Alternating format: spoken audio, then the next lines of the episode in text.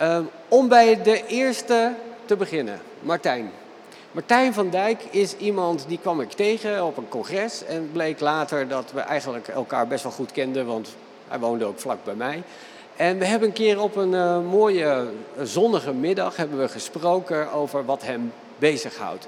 Hij had een idee en daar kon hij met zoveel vuur en met zoveel overtuigingskrachten over vertellen, waarbij ogen ook gingen glinsteren, dat, dat ik dacht, jezus, hier moeten we een keer iets mee doen.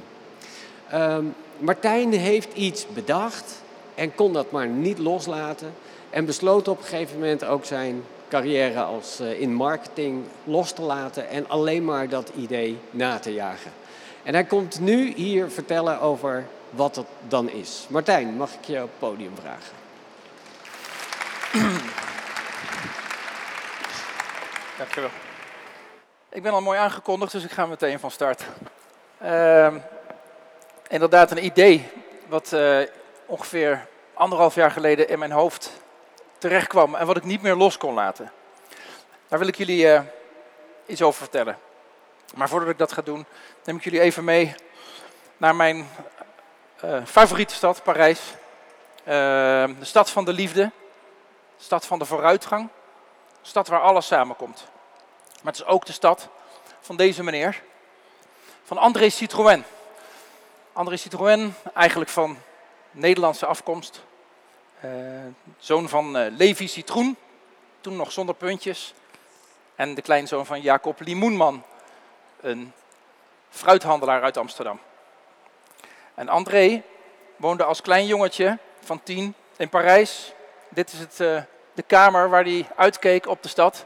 En dit is wat hij zag gebeuren in die stad. De Eiffeltoren werd gebouwd. De Eiffeltoren werd gebouwd, een wonder van de techniek van alweer twee eeuwen geleden. En hij was zo onder de indruk dat hij besloot ook techniek te gaan studeren. En tijdens zijn studie raakte hij geobsedeerd door uh, grootschalige productie en distributie. En hij kocht na zijn studie een grote tandwielenfabriek. Als je goed kijkt, zie je in de tandwielen nog het symbool van Citroën daarna. De double chevrons, de twee schroepen die in een tandwiel terugkomen, dat is nog steeds tot op de vandaag vandaag het logo van Citroën. En deze kennen we natuurlijk allemaal, de allereerste Citroën. Precies 100 jaar geleden vandaag, in, 2007, in 1917, besloot André Citroën aan het einde van de Eerste Wereldoorlog dat de toekomst de toekomst van de automobiel ging worden. Hij zag de mobilisatie van Parijs tijdens de oorlog en zegt: mobiliteit, automobiliteit, dat moet iets zijn voor gewone mensen. Ik ga auto's maken. En binnen twee jaar rolde de eerste Citroën van de lopende band. Deze auto, de A-type. En het zijn allemaal auto's met een visie. Auto's met een doel. Auto's zonder compromis. En dat is mijn, meteen mijn kennismaking geweest met Citroën. Een auto zonder compromis. De, de ultieme compromisloze auto echt een passie voor deze auto ontwikkeld tijdens mijn studententijd. Maar in je eentje in de Deux is natuurlijk niet de bedoeling. Hier ontstond de grootste passie, samen met mijn vriendin. Helaas was het niet van lange duur. Dit is uh, wat er van overbleef in de herfst van uh, 96. Samen met twee van mijn beste vrienden kropen we gelukkig ongedeerd uit deze auto. Nadat een, uh, een zieloze minivan probeerde zich eh, door mijn auto heen te boren. Eh, maar dat mocht eh, de liefde voor, mijn, voor de Deux niet in de weg staan. We waren ongedeerd en eigenlijk was het een prima veilige auto.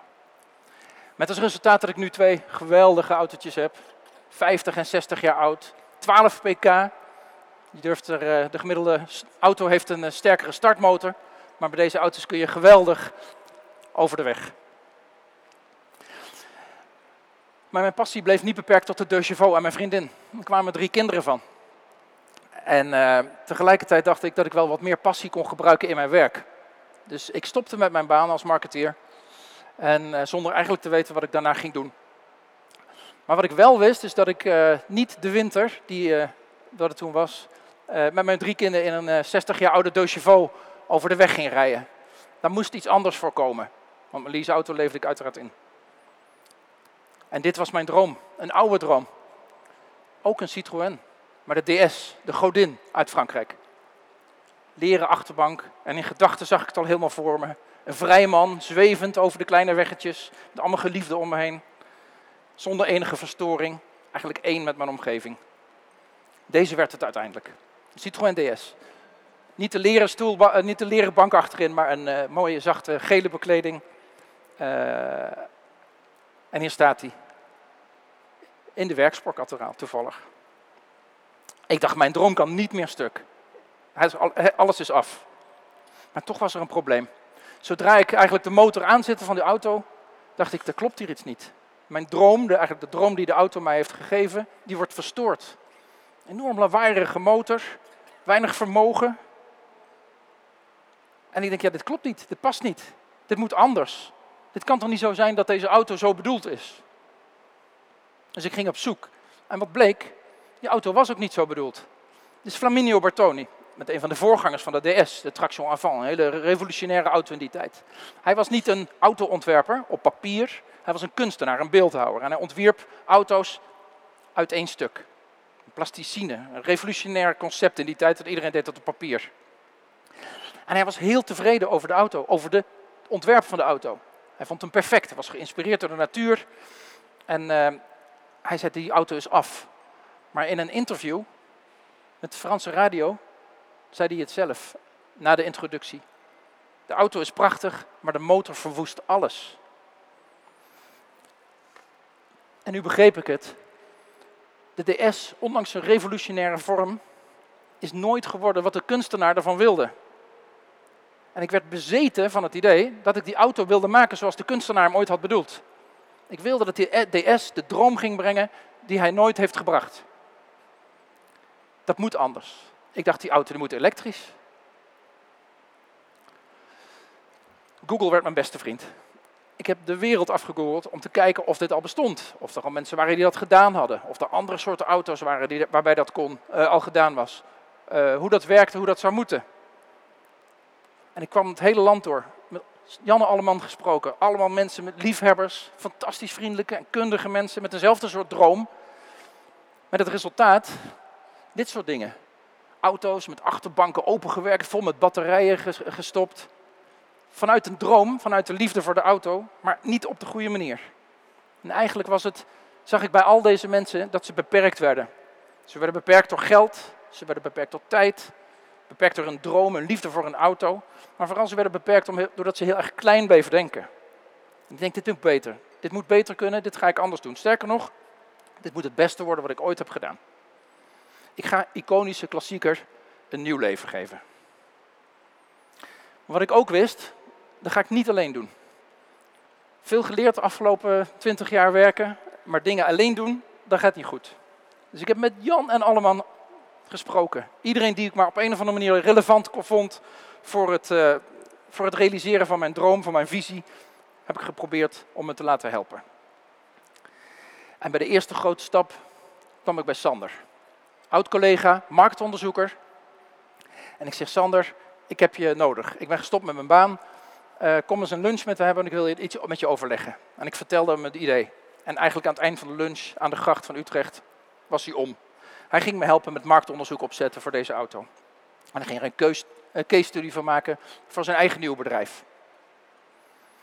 Volgende stap, Jurgen, een schoolvriend van me, die bekend stond om zijn organisatievermogen. Jurgen was al vanaf zijn veertiende, vanaf dat ik hem ken, verliefd op eigenlijk alles wat maar met een motor heeft. Of nou treinen of vliegtuigen, maar vooral of het auto's waren. Jurgen wist er alles van. En Jurgen was processpecialist bij autofabrikanten geweest. Bij Mercedes, bij Ford, diverse andere spelers. Hij was gefascineerd geraakt door, het, door maakprocessen, het maken van auto's. Maar nog belangrijker, hij sprak vloeiend Duits. Want ondertussen had ik in Duitsland volgens mij de beste specialisten op het gebied van elektronische conversie gevonden. Uwe en Jens. We noemen, hem noemen ze af en toe uh, eerbiedwaardig onze Willy Wortels. Uh, twee mensen die alles weten van conversie al sinds eind jaren 90 uh, eh, auto's ombouwen naar elektrisch. Heel veel bezoeken gebracht aan Duitsland. En we raakten steeds meer door hen geïntrigeerd en zij door ons. We dachten ook tegelijkertijd, alleen een goed idee en organisatiekracht is niet voldoende om dit tot een succes te maken. We hebben deze mensen nodig die dit ook daadwerkelijk kunnen doen. We gaan ze proberen te verleiden met ons samen te gaan werken. En ze hadden in het verleden altijd al heel veel auto's gemaakt.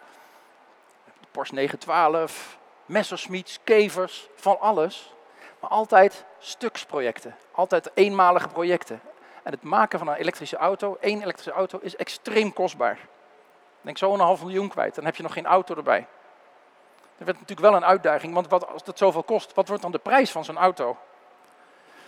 Toen zeiden we, ja, als het dan zo duur wordt, als de elektrische ontwikkeling van zo'n auto zo duur wordt, dan moet het 100% goed. Dan kun je niet een supernieuwe motor leggen in een hele oude auto. Dan moet alles als nieuw zijn.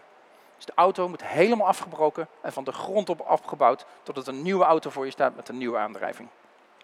Maar we zagen wel wat het prijskaartje was wat eraan ging hangen. Zo rond de 200.000 euro. Wie gaat er in vredesnaam 200.000 euro voor een DS betalen?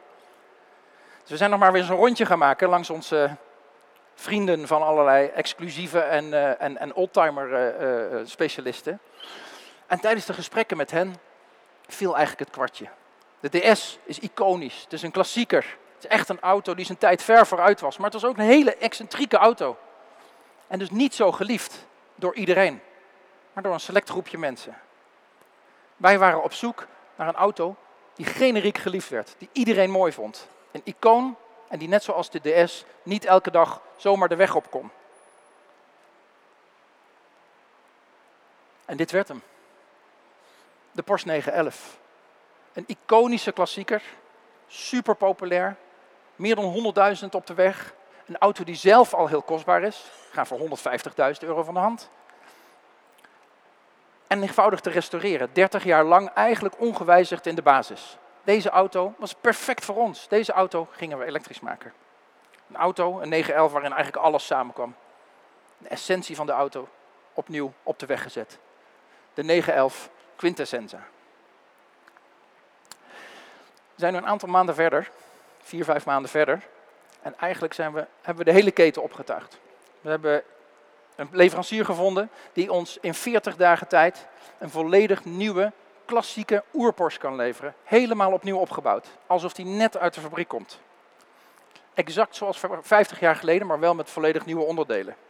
We hebben stoffeerders gevonden die 100% gespecialiseerd zijn in de Porsche 911. Elke bekleding die je maar wil, kunnen zij op maat maken voor deze auto. Oewe en Jens, zover gekregen om met ons samen het bedrijf te gaan beginnen. Belangrijk, intellectual property in de organisatie te halen. We hebben specialisten uh, op de rit met betrekking tot lease, verzekering, onderhoud, snelladen. Afspraken gemaakt met de RDW en de Duitse varianten van de TUF om die auto ook daadwerkelijk straks op de weg te krijgen. Maar eigenlijk het belangrijkste spint op dit moment plaats. De gesprekken met investeerders. Investeerders die we een aantal geïnteresseerd hebben gevonden en die we nog een aantal geïnteresseerden zoeken. Uh, die geloven in onze droom. In onze droom om klassieke, iconische auto's een nieuw leven te geven om er dagelijks mee te kunnen rijden in een onkwetsbare en niet vervuilende auto, waarbij je geen zorgen hoeft te hebben over het welzijn van de auto en vooral geen zorgen hoeft te hebben over het welzijn, welzijn van onze planeet en de planeet van onze kinderen. En wat ik me realiseerde na, na dit avontuur, waarbij we vanuit de DS kwamen en uiteindelijk nu beland zijn bij een 911, ook een iconische auto, is dat je dromen, ideeën, dingen die je niet loslaten, dat je die realiseert door ze te onthouden. Door ze te onthouden, maar vooral door ze te delen met andere mensen. En je merkt dat als mensen jouw droom op een bepaald moment na beginnen te vertellen, dat je op het goede spoor zit. Dat je begint om je droom te realiseren. En we blijven dromen. Want ook die DS, die gaat er komen. En ook deze hal, waarin we die DS en de andere klassieke en iconische auto's gaan verkopen, ook die gaat er komen. Dank jullie wel.